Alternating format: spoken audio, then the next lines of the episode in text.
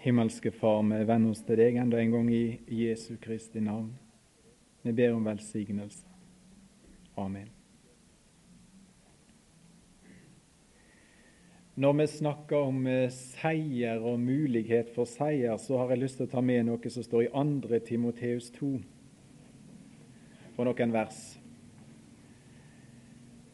ifra vers 1. Det er et uh, veldig sterkt brev i det hele, dette andre Timoteus-brevet. De regner vel med at det er det siste som apostelen Paulus skrev.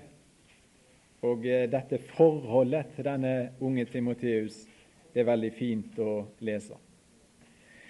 Så skriver han i kapittel 2, altså 2. Timoteus 2, fra vers 1, så bli da du, min sønn, sterk ved nåden i Kristus Jesus. Og Vi kunne jo bare sette en liten strek under det at det er, det er tanker og det er planer fra Guds side som Paulus formidler angående denne Timoteus. Gud ønsker å ha en sterk tjener. Og Gud ønsker at hans barn skal være sterke. Og så anviser han veien, og så er det ved nåden i Kristus Jesus. Og det du har hørt, det går an å høre seg sterk. Det er fint. Og det sier oss igjen at det er uvurderlig viktig for oss å være inn under innflytelse av de kraftige ord og de hellige ord som gjør oss sterke. Som du har hørt av meg i mange vitners nærvær, overgi det. Ikke bare at du skal ta det inn, det er til velsignelse, men du skal bli mer velsigna, og det blir du ved å gi det ut igjen. Og den beste måten å forvalte Herrens ord på, det er å gi det videre. Overgi det til trofaste mennesker som er duelige til også å lære andre. Og Så kommer vi fra vers 3. Lid ondt. Og det er noe som du skal merke deg ofte når det gjelder brevene og dette å tjene Herren, så blir det ofte knytta til lidelse. Til forsakelse, til offer, til utlegg, og det blir framstilt som en nåde. Lid ondt med meg som en god Kristi Jesu stridsmann. Ingen som gjør krigstjeneste, blander seg inn i livets sysler for at han kan tekkes sin hærfører. Men om noen også strider i veddekamp, får han dog ikke kransen hvis han ikke strider på den rette måten. Merk deg disse uttrykkene. En god Kristi Jesu stridsmann. Altså, det er muligheter, og det er mange muligheter. Det er muligheter til vondt, og det er muligheter til godt. Men det som er Herren sin vilje for Timoteus, det at du ikke bare skal være klar over at det er en strid, og at du skal være en stridsmann, men du skal være en god Kristi Jesu stridsmann. Det er mulig. Og det er mulig at du kan tekkes din hærfører. Og Det som burde vært vårt store spørsmål i alle sammenhenger, i alle strider vi står, det er ikke om å forstå fremst eller forstå bakerst eller hva våpen vi bruker osv. Men det som må være det store spørsmålet for oss i alle sammenhenger når det gjelder strid, hvordan kan jeg tekkes Han? Hvordan kan jeg behage Herren? Det må være spørsmålet. Og det er ikke da veien å gå at du går til din egen tanke. At du gjør det som er rett i dine egne øyne, hvis ikke de øynene har sett inn i den boka, og du er blitt undervist av ham. Og dette er så viktig at vår øverste autoritet når det gjelder disse tingene, ikke er her, men er her. Og at du strider på rette måten, sier han til Timoteus. Ikke bare det at du er med i striden. Det er ikke om å gjøre å gjøre mest mulig. Det er ikke om å gjøre å brøle mest, eller å holde sverdet høyest og slå mest. Men det som er om å gjøre, det er at du strider på den rette måten. Det er mange måter å stride på. Og Du kan stride sånn at du hogger ører av folk, og du kan stride sånn at du fører folk til Jesus, så de begynner å høre så de aldri har hørt før. Her er mange muligheter. Men at du altså er en god Kristi Jesus stridsmann, at du tekkes din hærfør, at det står for deg at i denne striden så har jeg ett mål, og det er å behage Han. Og så må all min strid altså dreie seg ut ifra det og springe ut ifra det at jeg kan behage Han. At Han må bli stor, at Han må bli æra, og at jeg strider på den rette måten. Og Når det gjelder akkurat disse tingene, så mener jeg å si igjen Josva og dommerne er glimrende undervisningsmateriell for de som vil stride på den rette måten, og være gode Kristi Jesus stridsmenn og tekkes sin himmelske hærfører. Og Nå tenkte jeg at vi skulle ta en liten tur tilbake igjen til dommerne. Og så ta ett eksempel som er så gnistrende fint når det gjelder dette å stride på den rette måten. Og et eksempel som ikke altså der Vi får berette om en strid og en seier, men som ikke kommer fra mennesketanker, og som ikke har sitt utspring i et menneskehjerte. For det som altså denne striden beretter, det er så originalt og så suverent. Og det understreker så klinkende klart at seieren hører Herren til. Og så gir han seieren til disse som følger instruksjonene ifra himmelen. Og Det jeg tenker på, det er en beretning som alle her har lest og hørt mange ganger. Men vi har, vi har så godt av å lese den. Vi blir aldri ferdig med de gamle tingene. Og Peter snakker om en vekkelse i sine brev. og Det er altså en vekkelse til Guds folk. Og den vekkelsen går ut på å minne dem om det de har hørt før. Han vil vekke deres sinn og deres tanker ved å minne dem om ting de vet. Og Vi lever i en sånn verden, og vi er slik at vi trenger stadig minnes om ting. Vi er så fæle å glemme. Jeg tror ikke bare vi fra Osterøyene, men jeg tror det er generelt at vi er veldig svære å glemme. Og disse tingene har så lett for å falle ut. Og Det er altså ikke bedre med meg at, at liksom alle disse tingene og alt dette jeg kan så ubehjelpelig godt altså, Det kan være helt vekk, og så kan jeg i mitt praktiske liv oppføre meg nærmest som om Gud er død. Kanskje er du bedre. Men det er ting, og det er valg, og det er prioriteringer, og det er vandring som av og til vitner fryktelig fælt imot meg. At jeg er fæl og glemme. Det er dommerne sju.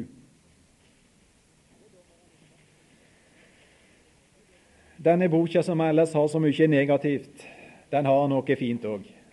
Og jeg tenkte vi skulle ta og stanse litt for det. Bakgrunn for eh, dommerne sju kan vi ta bare noen få vers i Dommerne seks. Det ene leste vi i forrige time. Men det står i vers seks at Israel, altså Dommerne 6,6, at Israel ble rent utarmet ved midianittene. Da ropte Israels barn til Herren. Og da Israels barn ropte til Herren for midianittenes skyld, her er nødropet som stiger til himmelen, og som beveger Gud i himmelen. Da sendte Herren en profet. Og så holdt han en forferdelig preik til deg og forteller deg hvordan situasjonen er. At de ikke har hørt på han. Og han fått minne deg om alt han har gjort for deg, men det har ikke virka det det skulle. Men dere hørte ikke på min røst, står det i vers 10. Og så kommer vers 11. Og Herrens engel kom. Jeg holdt på å si det var mer rimelig at det sto at Herrens dom kom, etter det de har gjort. Men nå står det at Herrens engel kom, og så begynner han arbeidet med Gideon. Og så reiser han opp denne frelseren. Og så står det i eh, vers 33 i kapittel 6 at alle midjanittene og amalekittene og Østens barn slo seg sammen og drog over Jordan, og de leiret seg i Israeldalen. Altså en voldsom allianse av fiendefolk som nå går imot Israel. Og eh, vi ser av senere kapittel at iallfall mer enn 135 000 soldater er nå engasjert i en strid imot Herren og Herrens folk. Og Da leser vi fra vers, eh, kapittel 7. Legg vind på opplesning av Skriften, sier Paulus, og det gjør vi.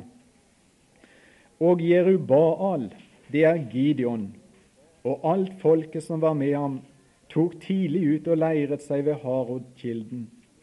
Men midianittenes leir lå nordenfor, fra Morehøyden og ned i dalen. Da sa Herren til Gideon Det er der det begynner. Instruksjonene kommer ifra Herren og ifra himmelen.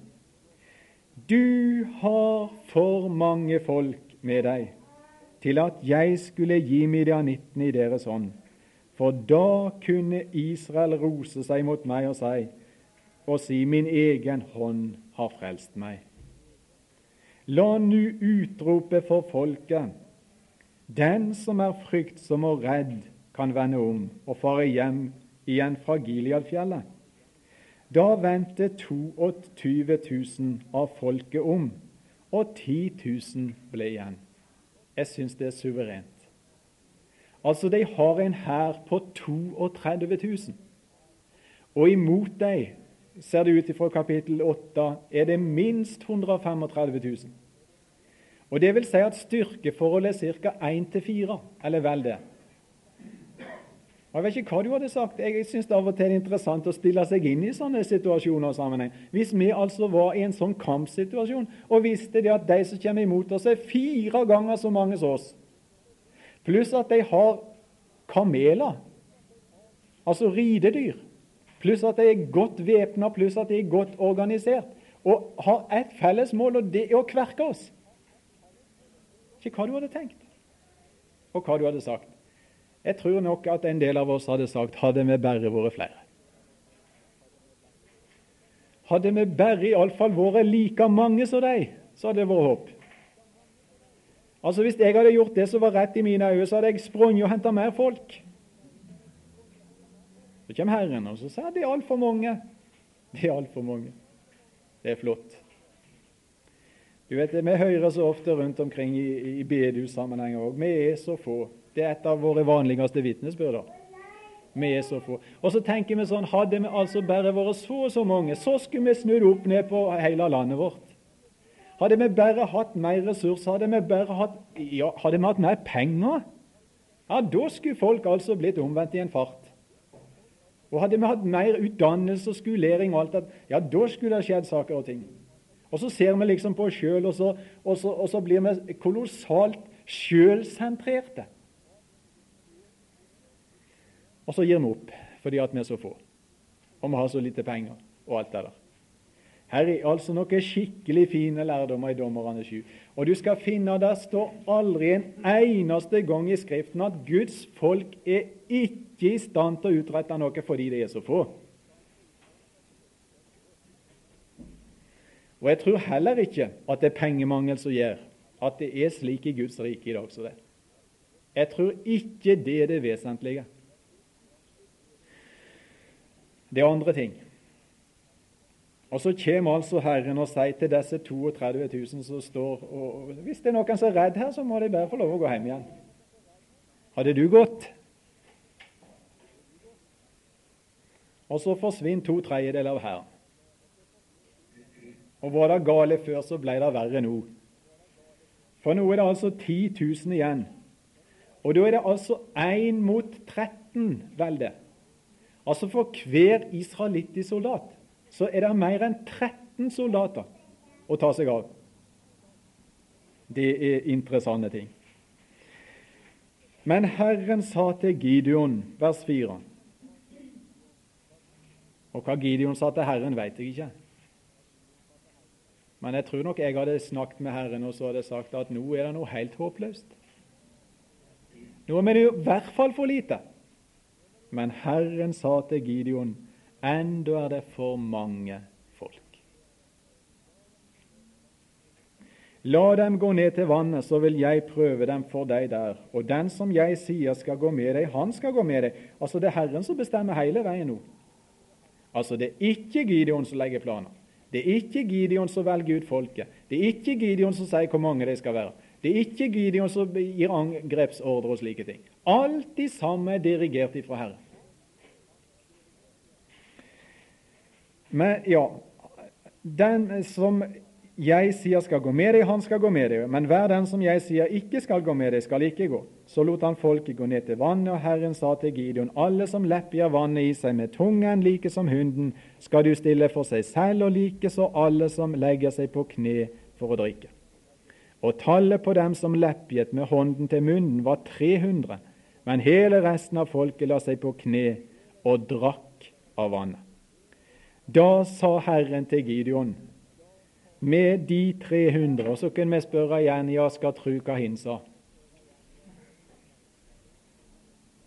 Nå sender vi de 300 hjem igjen, hadde jeg sagt. Og så bruker vi resten. Da sa Herren til Gideon, med de 300 mann som leppjet, vil jeg frelse dere og gi midianittene i din hånd. Hør hvor suverent. Vil jeg frelse dere og gi, og hvem kan hindre Gud? Hvor er den visdom, og hvor er de råd, og hvor er de planer som kan forhindre det Gud nå vil? Høyre sier han til midianittene er det garantert at 135 000 må seire over 300. Er det sånn at seieren hører midianittene til? Ja, da var det garantert. Men det er ikke det som er saken. For den som avgir, og den som disponerer seieren, er Herren. Og Herren har bestemt at israelittene skal seire. Om de er tre eller 300, eller om de var 300 000, det er uvesentlig.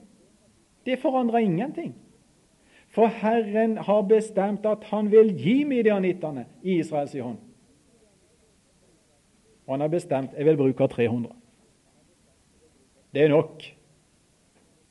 Og Da er det heller ingen som kan stå etterpå og si 'se for noen muskler vi hadde'.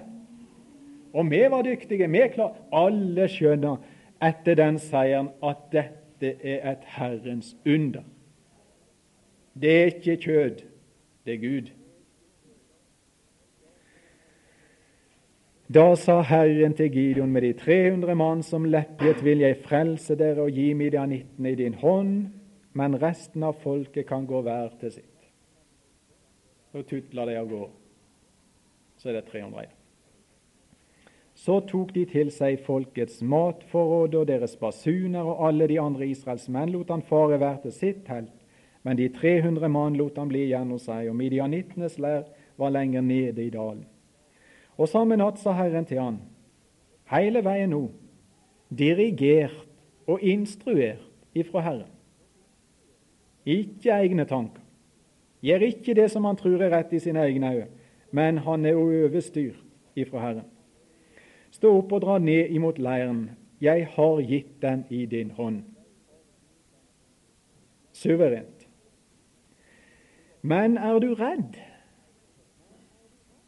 for å dra ned? Ja, jeg hadde vært redd. Men det som er fint her å merke, det er at om han er redd, så forkaster ikke Herren han som tjener.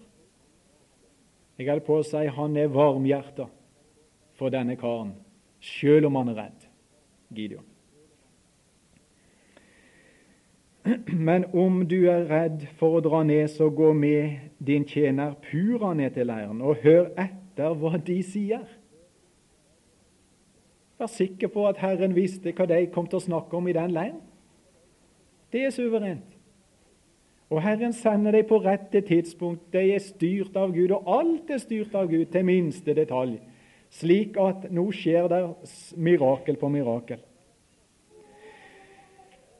Og hør etter hva de sier. Så skal du kjenne deg så sterk at du tør dra ned mot leiren. Altså Om du er redd, altså, så er det håp allikevel. For jeg skal ta meg av deg, og jeg skal få ordna ting, så du skal bli sterk.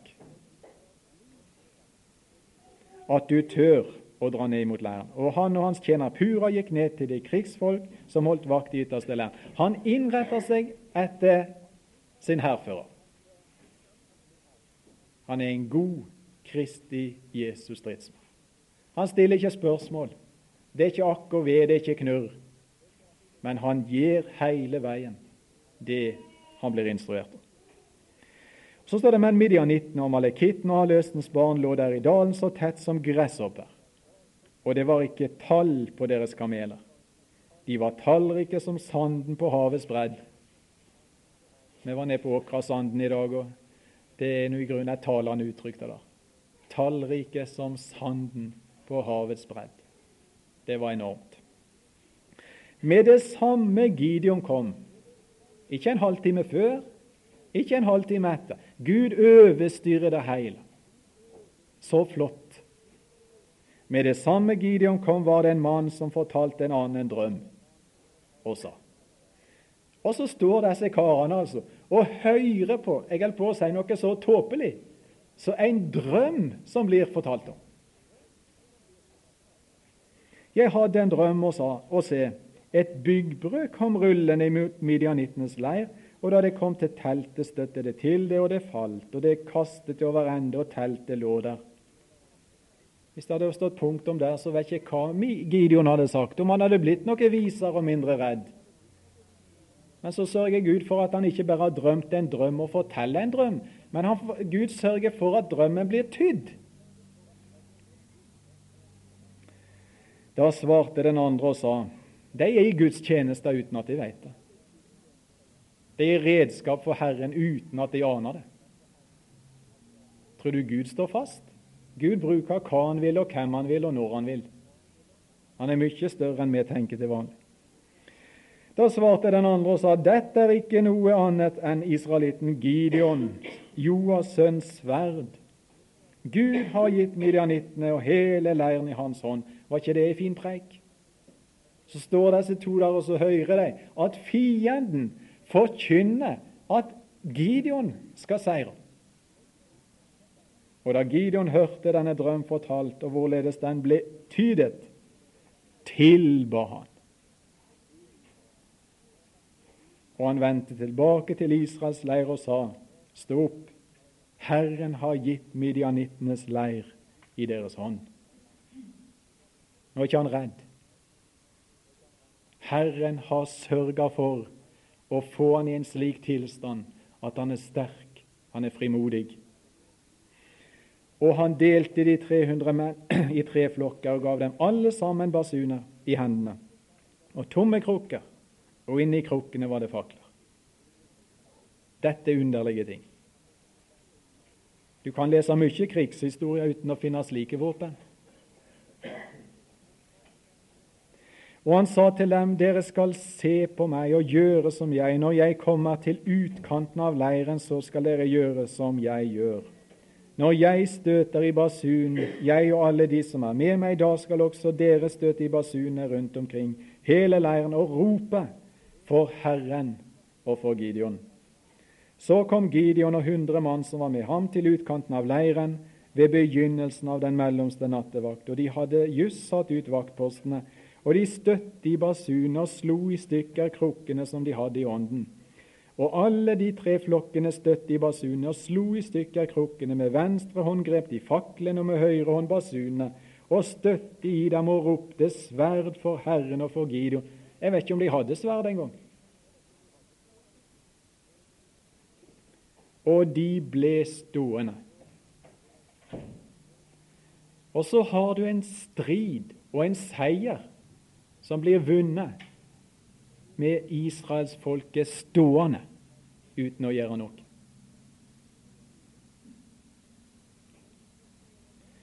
Og de ble stående hver på sitt sted rundt omkring i leiren. Da begynte alle i leiren å løpe og skrike og flykte.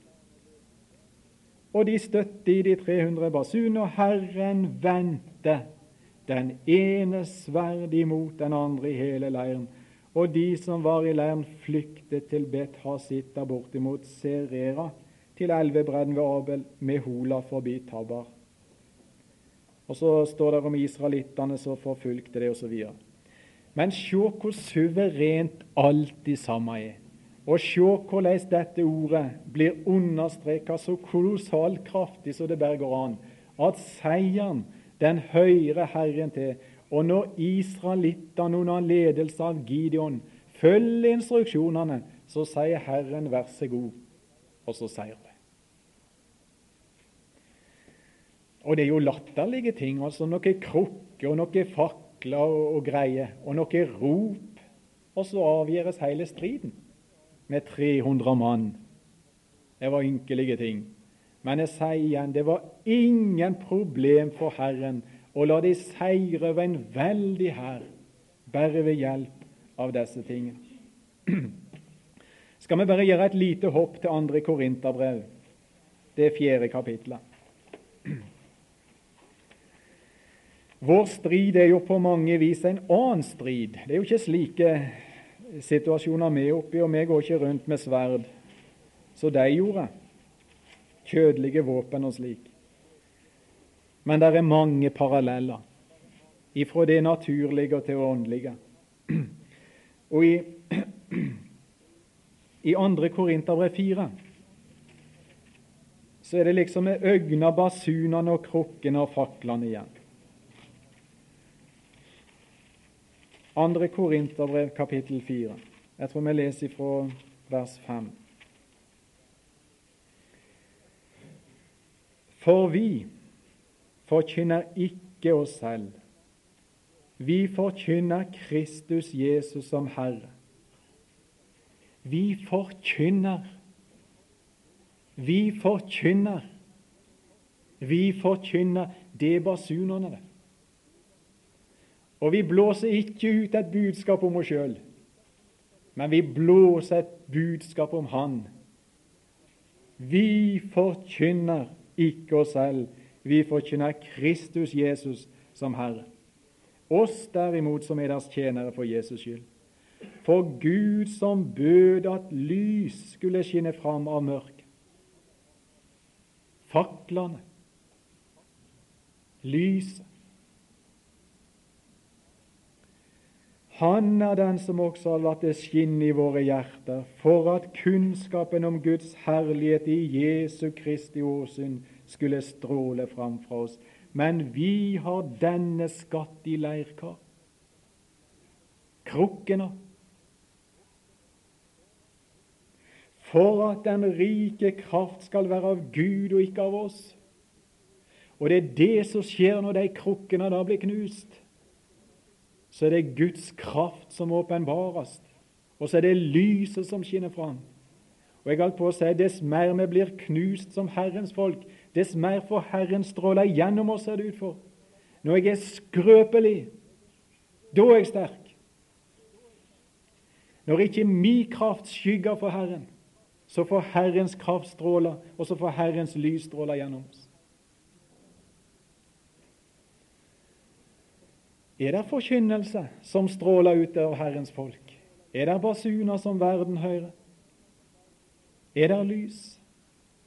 Er det kraft? Du vet, Vi rister jo av og til på hovene våre i dag over all denne her forferdelige djevelskapen som velter inn over land og folk. Ja, det er nifse ting. Men samtidig så kjenner jeg liksom dommen imot meg sjøl og mitt eget hjerte. Hvor er, hvor er kraften som skulle motvirke disse tingene? Israelsfolket, det var nå de hendene til Moses seig. Da kom fienden. Da seira fienden. Men så var det et par klarsynte karer som skjønte hemmeligheten. For alt i denne verden Moses sine hender må være løfta mot himmelen. Og så støtta den ene under den ene hånda, den andre under den. Og så holdt hendene til Moses seg støe like til sola gikk ned, og så var Amalek slått. Det er en gnistrende fin beskrivelse av en åndssituasjon også i dag. Det er enormt med elendighet som velter innover folket vårt og landet vårt. Men det som vi må spørre om i dag, det er hvor er Guds folk?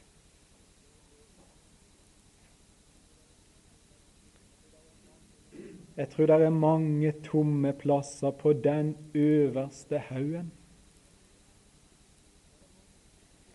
Det er mange krukker som ikke vil bli knust. Det er mange fakler som ikke brenner. Det er mange basuner som er lagt bort. Og så går verden imot stupet, og så ler de, og så trives de, og så har de det fint helt til de går inn i evigheten. Gud hjelper oss som Herrens folk å være slik Herren vil. Strider på den rette måten, og at vi kunne oppleve slik som disse 300 gjorde, at Herren gir seier igjen. Skal vi til slutt i kveld ta en tur til Det nye testamentet? For jeg synes i grunnen at samme sak er framstilt i kapittel 2 i apostelgjerningene. Det er òg et veldig kjent avsnitt. Apostelgjerningene 2, ifra vers 42. Og de står der, og dette er altså de første kristne, og det er altså haugevis med problem som de har fått. Og det er herlige problem. De har jo 3000 åndelige babyer. Det er flotte ting. Peter hadde holdt ei gnistrende preik på pinsedag, og det var ikke bare ord, men de fikk hjertetrøbbel fordi de der ordene og den kraften det gjorde at de skjønte vi kan ikke forbli slik vi er. Og så ble de frelst. 3000. Og så er det jo bare sånn at eh, det måtte nødvendigvis medføre masse problemer, masse arbeid og masse glede. Alle som har barn, vet litt om det, alle som har babyer, vet litt om det, at det er arbeid. Og det kan gå lang tid før det første smilet kommer. Første responsen. Og så er det vasking, og så er det stelling, og så er det bleiebyting, og så er det bare sånt omtrent i starten når det gjelder det åndelige området og åndelige babyer. Vi sier av og til at vi vil gjerne ha vekkelse, men vet du hva jeg tør å påstå? Jeg tør å påstå at mange av de som sier de vil ha vekkelse, vil egentlig ikke ha det. De vil ikke ha balet. De vil ikke ha arbeid. De vil ikke ha slitet. Det kan gå utover fritida deres. Det kan gå utover kreftene deres. Det kan gå utover programmet deres. De kan ikke disponere livet akkurat som de vil. Hvis det er altså haugevis av åndelige babyer som trenger hjelp. Det kan gå utover setlaboket. Og det ene og det andre. Gud hjelpe oss at vi kunne se disse tingene rett og være villige, ikke bare snakke om det at vi gjerne vil ha vekkelse, vi gjerne vil ha nyfrelste, men at vi virkelig med hele hjertet vårt var villige til å ta det som kom av utlegg.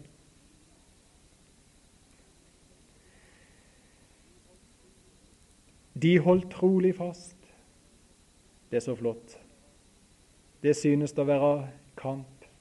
Og det synes å være kreftig sving som ville ta ifra deg noe. Det er strid.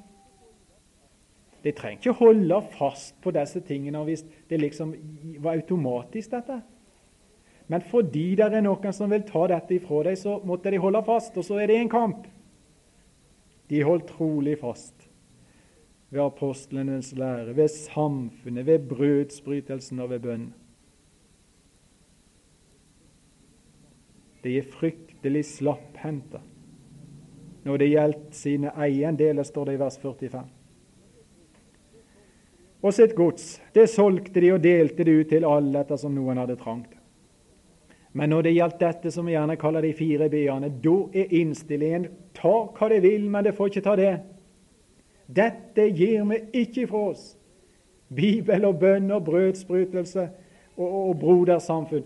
Disse tingene, det slipper vi ikke. Det er deres innstilling. Og apostlenes lære, det er jo en spesiell del av Bibelen. Dette som gikk på, på, på Jesu og Jesu, eh, det han sa om seg sjøl, og det han var. Som jødene forkasta. Ellers trodde jo de på Bibelen. Men det som apostlene sa, det var jo stikk imot det jødene sa om Jesus. Og det, de risikerte jo kolossale ting, jødene som sa det om Jesus som han sjøl sa. Og så er det strid, og så er det spetakkel. Men altså uansett hva det koster, det skal ikke få ta ifra oss apostlene sin lære. At Jesus var Guds sønn, at Jesus døde for våre synder, at Jesus sto opp, at Jesus kommer igjen, at Jesus lever. Disse tingene får det aldri ta ifra oss. Det er innstillingen der. Og du trenger ikke kjefte deg av gårde på et møte.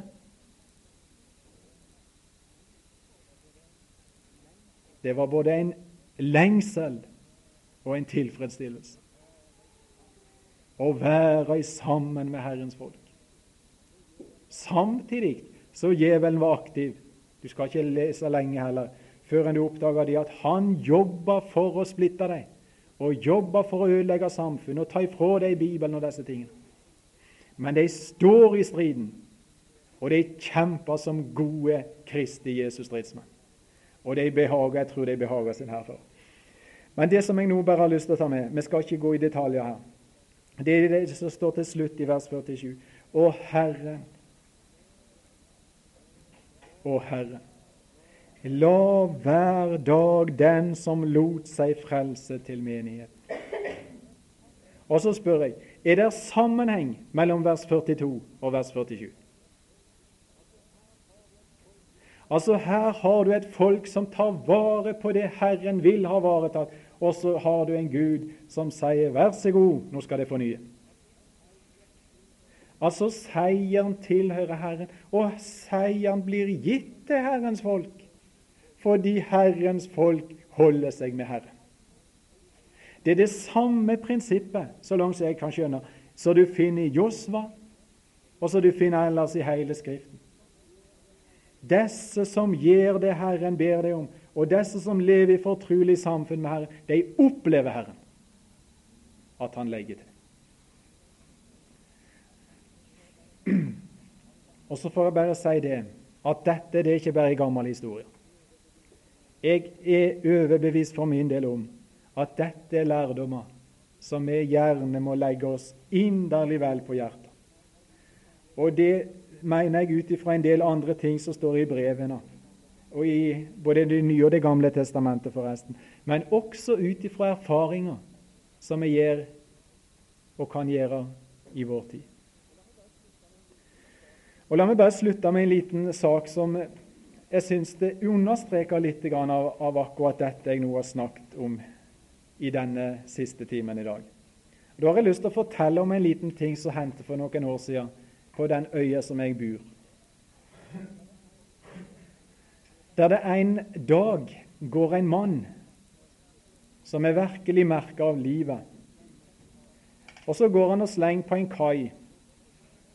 Og Så kommer han bort til en stolpe der det står en plakat.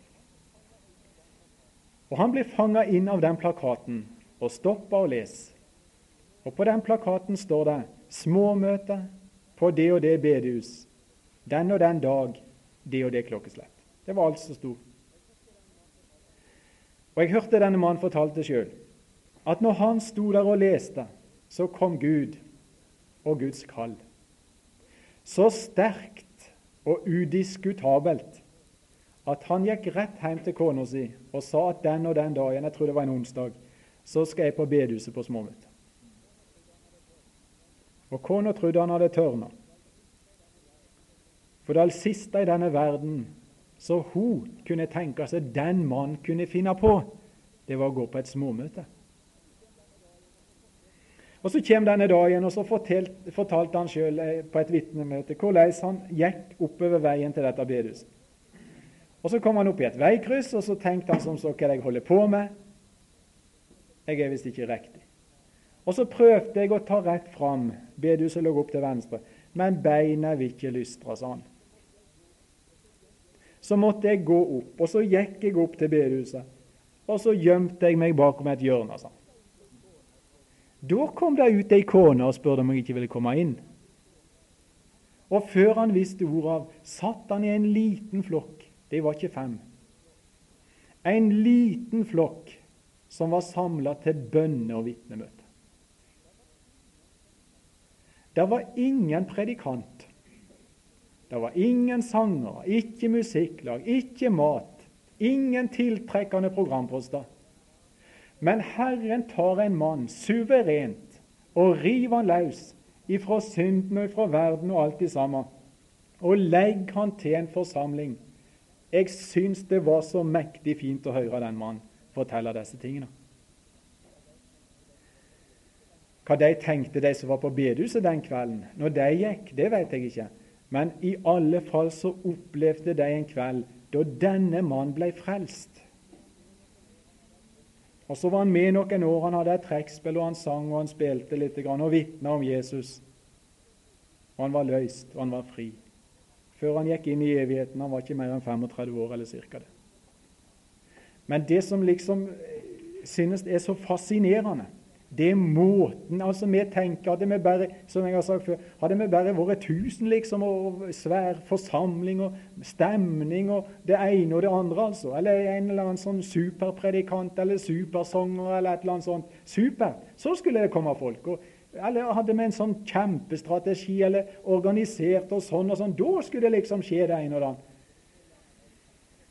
Jeg tror vi må lære å tenke Bibelen sine tanker. Og jeg tror vi må lære at veien det å gå til Han, mer enn vi har gjort før. At jeg altså Nei, jeg skal bare innrette meg, og så skal Herren sørge for seier. Og jeg har bare lyst til å slutte med det i kveld. At han som kunne gjøre det underet på Osterøyene, og har gjort det samme underet flere andre plasser jeg har vært. Det er så flott å høre deg fortelle om det. Og Den eneste som blir stor når jeg hører om slike, det er jo Herren. For det er så fascinerende gjort. Han er i stand til å gjøre det fremdeles. Altså sier han ikke 'hørte Herren til', men det står at sier han 'høyre Herren til'. Og Det som vi må legge vind på og formane hverandre om, det tror jeg er la oss ta vare på de tingene. La oss stride for de tingene som de første kristne streiv for. Og la oss midt i ei tid som roper på alt mulig rart, ta vare på sannheten og innrette oss etter sannheten og være instruert av han, generalen, på aller høyeste plan. Og så arbeider vi, og så forventer vi. Ja, hva vi forventer, det får være det samme. Men i alle fall at jeg kunne behage han. Og så er jeg litt spent. Kanskje han skal legge en til? Kanskje legger han en til? Kanskje legger han flere? Jeg holder på å si det får være hans sak. Men at jeg innretter meg, og at jeg i hvert fall ikke går i veien for han. Gud hjelpe oss alle sammen til å være et slikt folk som strider på den rette måten og behager, satser virkelig på det. Vi vil behage vår Herre. Vi vil lytte til hva Han sier, og så vil vi gå. Amen.